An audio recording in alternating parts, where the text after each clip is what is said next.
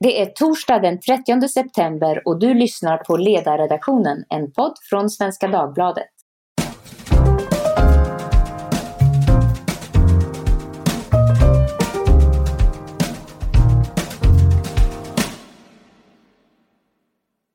Jag heter Maria Ludvigsson och idag poddar vi om den relativt låga vaccinationsgraden hos personalen i Stockholms äldreomsorg. Till podden har vi därför bjudit in Ingmar Skog som är professor och myntat uttrycket ålderism. Vi har också med Erik Slottner som är kristdemokrat och äldre och trygghetsborgarråd i Stockholms stad. Välkomna båda två! Tack så mycket! Tack. I veckan så har Svenska Dagbladets Per Kudo skrivit om smittoutbrott på äldreboenden över hela landet. Det är många som har läst de här och vi har fått många kommentarer. Det visar sig att i flera fall har smittspridningen lett till dödsfall, trots att de boende varit vaccinerade. Smittotalen på landets äldreboenden har ökat de senaste veckorna och ligger nu på de högsta nivåerna sedan februari. Då skriver Kudo att lägst vaccintäckning bland omsorgspersonalen fanns i Stockholms län. Här var alltså bara 53 procent av hemtjänstpersonalen och 64 procent av personalen på äldreboendena fullvaccinerade under slutet av augusti. Men det ser tydligen olika ut i olika regioner. I Värmland var 77 procent inom hemtjänstpersonalen och 84 procent på äldreboendena vaccinerade. Så det ser olika ut över landet. Personligen finner jag det här motbjudande och därför tog jag till pennan i veckan och skrev en ledare om detta som var införd igår. Det som berör mig det är att detta handlar om människor som arbetar i någons hem, som har rätt att komma och gå där utan att vara vaccinerade. De boende, som ofta är gamla människor, har ingen möjlighet att freda sig eller ställa krav på att bara vaccinerade får vistas i deras hem. Det är ofta så att när vi pratar om äldreomsorg och äldreboende så tenderar vi att hellre prata om någons arbetsplats än om att det faktiskt först och främst är någons hem. Så det var inte svårt att reagera starkt på detta. Därför vill jag prata med er två kloka personer om det här. Erik Slottner, vad är din förklaring till att det ser ut på det här sättet i Stockholm? Ja, det där är faktiskt ingen lätt fråga att svara på. Jag är också väldigt bekymrad över det här och tycker det är faktiskt moraliskt förkastligt att så stor andel väljer att inte vaccinera sig.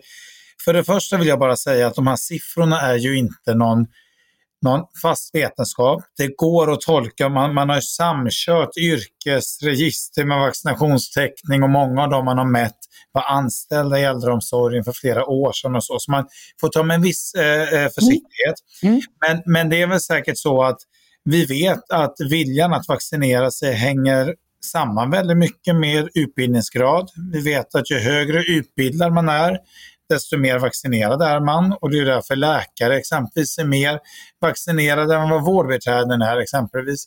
Vi vet, att, vi vet att i många socioekonomiskt utsatta bostadsområden är vaccinationstäckningen mycket lägre, kan ha ett visst samband här också. Och vi vet också att eh, personer från vissa kulturer och, och eh, länder är betydligt mindre vaccinerade än andra. Och en hel del av dem finner vi också inom äldreomsorgen. Så förklaringen är att de som jobbar i äldreomsorgen är sådana som inte vill vaccinera sig? Ja, ja precis. Jag skulle tro det finns en viss sån korrelation. Jag tror inte det är mm. så att, att eh, allt annat är lika så skulle människor inom omsorg och vård vara mindre villiga att vaccinera sig. Jag vill ändå tro att det faktiskt är tvärtom. Det här är ju inget nytt utan det har ju talats om eh, behov av eh, vaccination ända sedan det blev möjligt.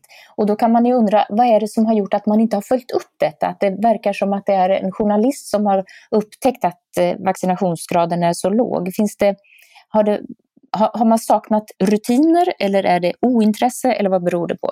Absolut inte ointresse utan det är så när vi, vi var inne i de första faserna, eller fas två, då, då när vård och omsorgspersonal fick vaccinera sig i, i början av året, då hade mm. vi väldigt bra koll på hur många av våra anställda som vaccineras. Vi följde upp det varje vecka och jag ställde hela tiden frågor. Eh, men sen när vi gick in i den allmänna vaccinationsfasen så för inte sedan dess så för inte Folkhälsomyndigheten statistik på detta och vi får inte föra register på arbetsplatserna heller och, och eh, på vilka som är vaccinerade och inte. Mm. Och det gör att vi i kommunerna har ingen eh, statistik över hur många som är vaccinerade och inte. Utan det här är någon särskild modell då som en journalist har gjort här hos er. Och det är ett fantastiskt arbete som är gjort men man får också ta siffran med en liten nypa salt och det är ingen exakt eh, vetenskap eller fakta som ligger bakom. Nej, men det är så att säga de siffror vi har och de pekar ändå någonting. Mm. Vad tänker ni göra nu?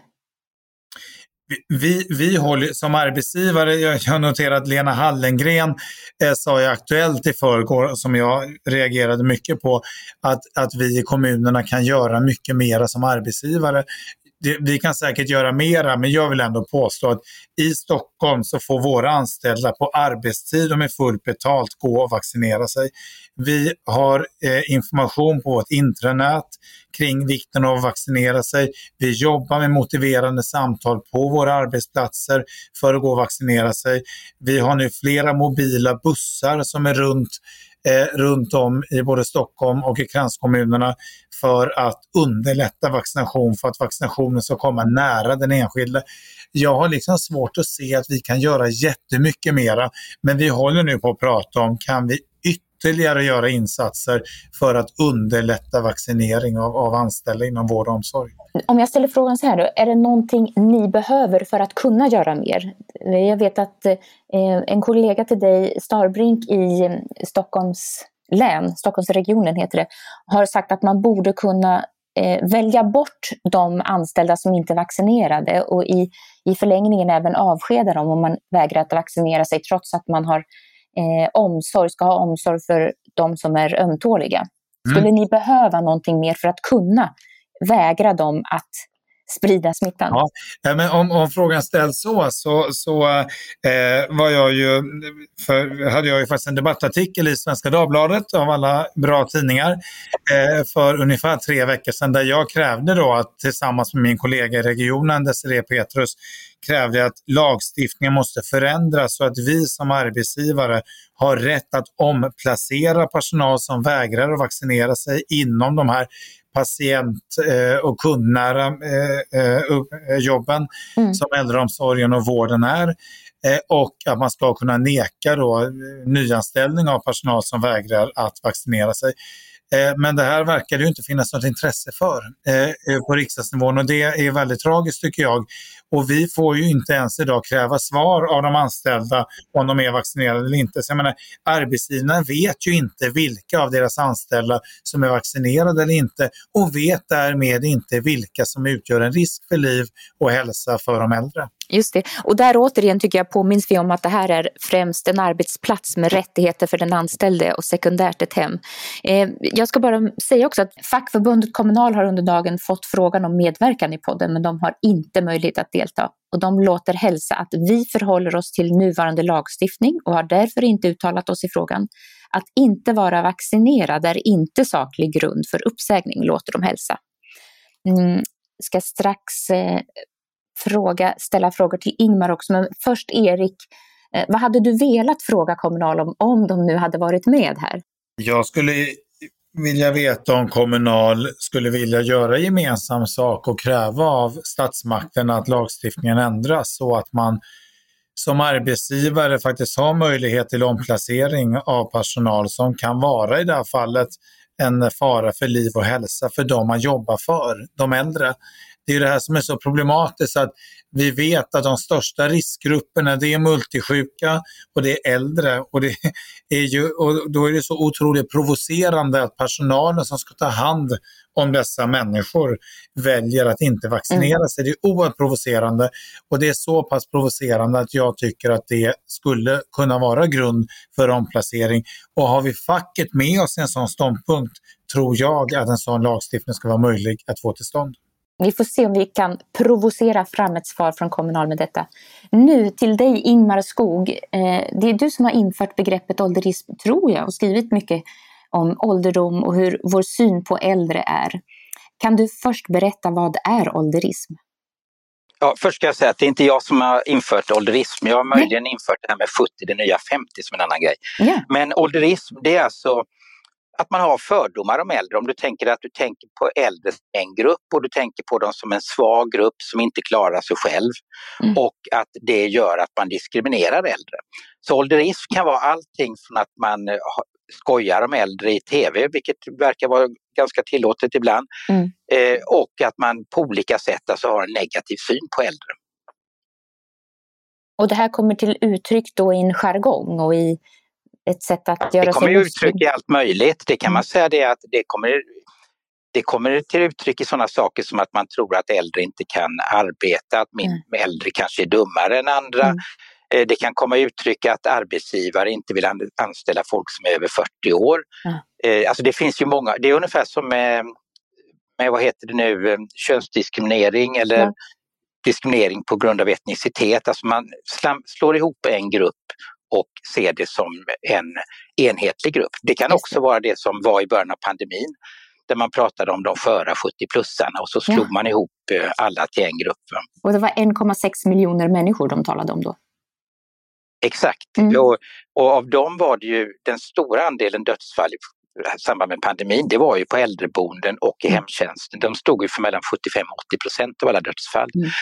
Eh, och det gör ju att eh, det här med vaccinering är ju väldigt viktigt i den gruppen, för det är ju den mest sköra gruppen vi har. Men återigen, det här med ålderism, det har också blivit kan man beskriva det eller förklara det med att det har kommit en ungdomskult ända från med de första tonåringarna på 60 och 70-talet? Har, har det för, för förr så var det väl så att det var de äldre som man lyssnade till därför att de hade erfarenhet och kunskap och hade livserfarenhet. Och det där har förskjutits till att idag är man mer intresserad av att höra vad ungdomarna har att säga om olika saker. Alltså det är en grupp som ständigt är i centrum, i fokus för både medias uppmärksamhet men också an, från andra håll, eh, även eh, företag och så vidare. När, var började detta? Det här måste ju vara någonting, om vi ser ett längre perspektiv, nytt, att de äldre inte anses vara de som vet bäst. Alltså Sverige har ju varit ett land som varit väldigt mycket byggt på modernitet. Vi är mm. väldigt tidiga att ta in alla nya saker. Så det skulle kunna vara en förklaring. Ja, men mm. ungdomskultur finns ju i USA också. Och om du tänker att i Sverige så är det omkring 11 personer av alla i riksdagen som är över 65 år. Mm. Eh, och det är alltså 25 procent av alla väljare är över 65 år. Så det finns ju ingen representation nästan i Sverige medan i USA så har är ju nästan alla presidenter, presidentkandidater, talmän och så, de är ju 80-årsåldern. Mm. Och det visar ju på en väldigt olika syn från Sverige och USA. Har det någonting med kunskapssyn också att göra? Att kunskap är något som man förvärvar under lång tid och med erfarenhet eller också är det någonting som man kan slå upp på nätet? Kan vara det. Alltså det här med synen på äldre och äldre arbetskraft, den har ju funnits rätt länge i Sverige, att vi har mm. fördomar om att äldre inte klarar sig så bra. Men, eh, men det finns säkert många olika förklaringar till det här. Mm. Eh, för det är ju så att med stigande ålder så får vi ju mer och mer erfarenhet. Mm. Och det bästa är ju om man har ett samhälle där både det, äldres fördelar uppskattas och yngres fördelar uppskattas. Och vad ser du i detta som vi har diskuterat här och som vi har skrivit om i Svenska Dagbladet, det som händer på i, både i, i människors hem där man har hemhjälp men också på äldreboenden som ju också först och främst är ett hem.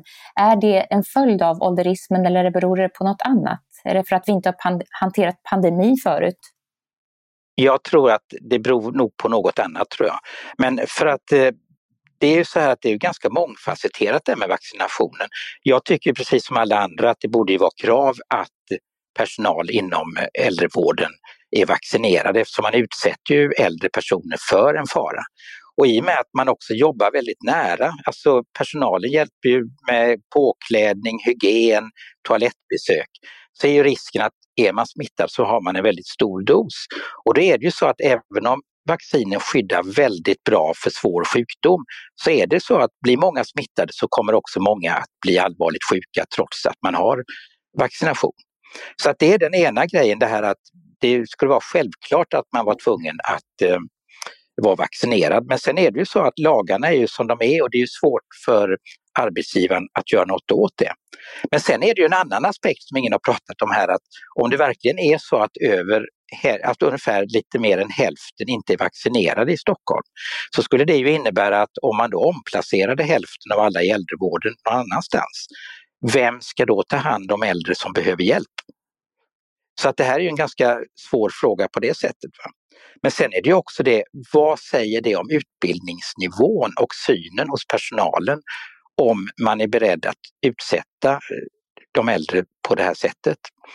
Så det kanske också är en reflektion just av att vi inte har tillräckligt många välutbildade personer i äldrevården. Ja, kan det bero på i sin tur då att det då inte är en, ett så vad ska jag säga, ett så, så populärt yrkesval, eh, kan det i sin tur ha med ålderismen att göra? Att det är en grupp som, inte är, eh, som man inte är intresserad av att arbeta med? Delvis kan det ju vara det. Det är ju så här att eh, äldre geriatrik är en av de lägst rankade i läkarutbildningen till exempel. På vilket sätt? Eh, hur, hur rankar man det? Ja, alltså att det är, en, det är en av de minst populära ämnena för eh, för medicinare att eh, bli geriatriker till exempel. Eh, och ofta är, gäller ju det många andra områden och det innebär ju det att det är ganska låg status kanske att jobba med äldre. Men det här har ju också med arbetsförhållanden och att man måste ju se till då att personalen blir utbildad, att man får fasta tjänster, att man gör arbetet meningsfullt, alltså att man får tid med de, de boende och de som man tar hand om, att man har tid att prata med dem, att man inte känner sig stressad.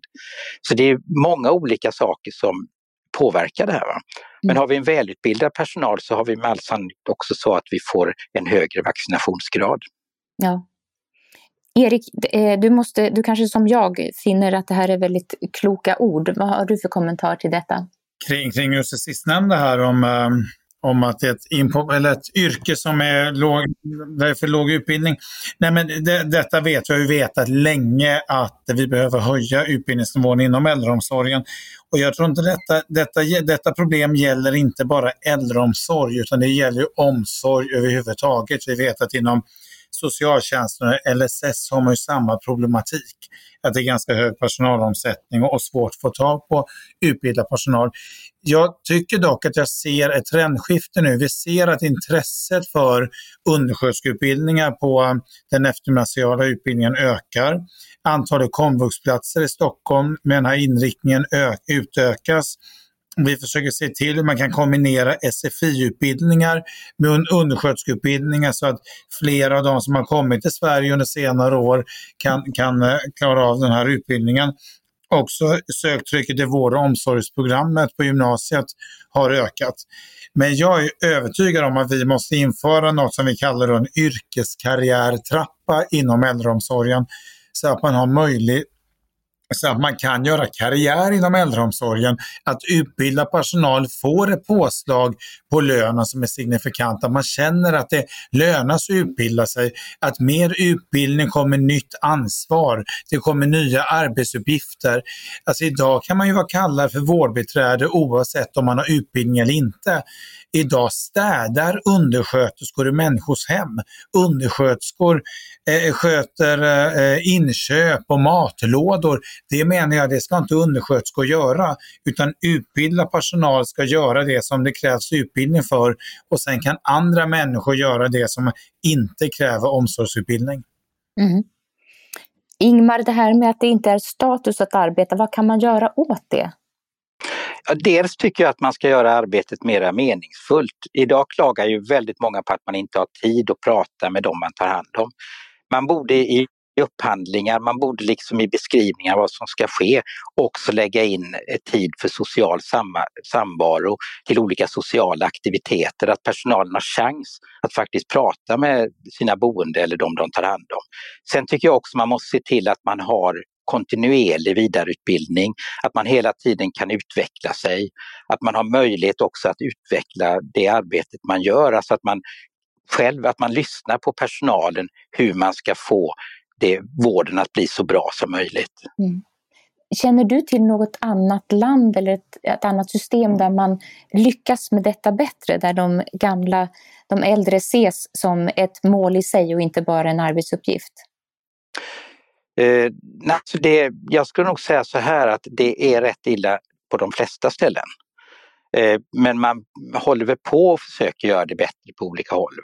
Eh, och det är ju även inom Sverige. Det finns ju ställen där det är jättebra, väl utbildad personal och väldigt motiverad personal och det finns ställen som är sämre. Alltså det är en väldig eh, här, variation i kvalitet och det är ju även inom Sverige.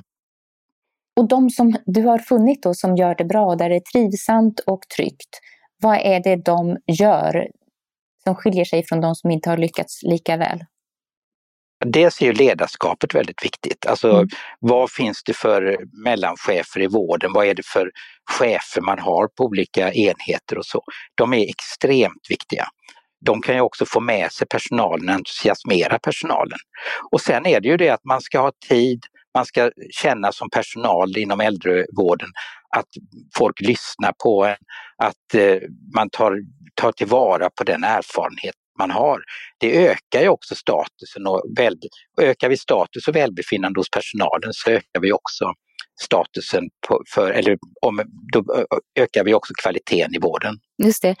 Det, det. det, här har man ju diskuterat förr och då kanske i andra yrkeskategorier där man har funderat på hur ska man få unga att vilja gå in i industrin och, och sådana där olika intresseorganisationer har då drivit kampanjer för detta. Det kan jag tycka ofta landar lite fel, att det blir något som just blir en, en reklamkampanj istället för att i grunden förändra de värderingar som gör att man inte vill söka sig till de yrkena.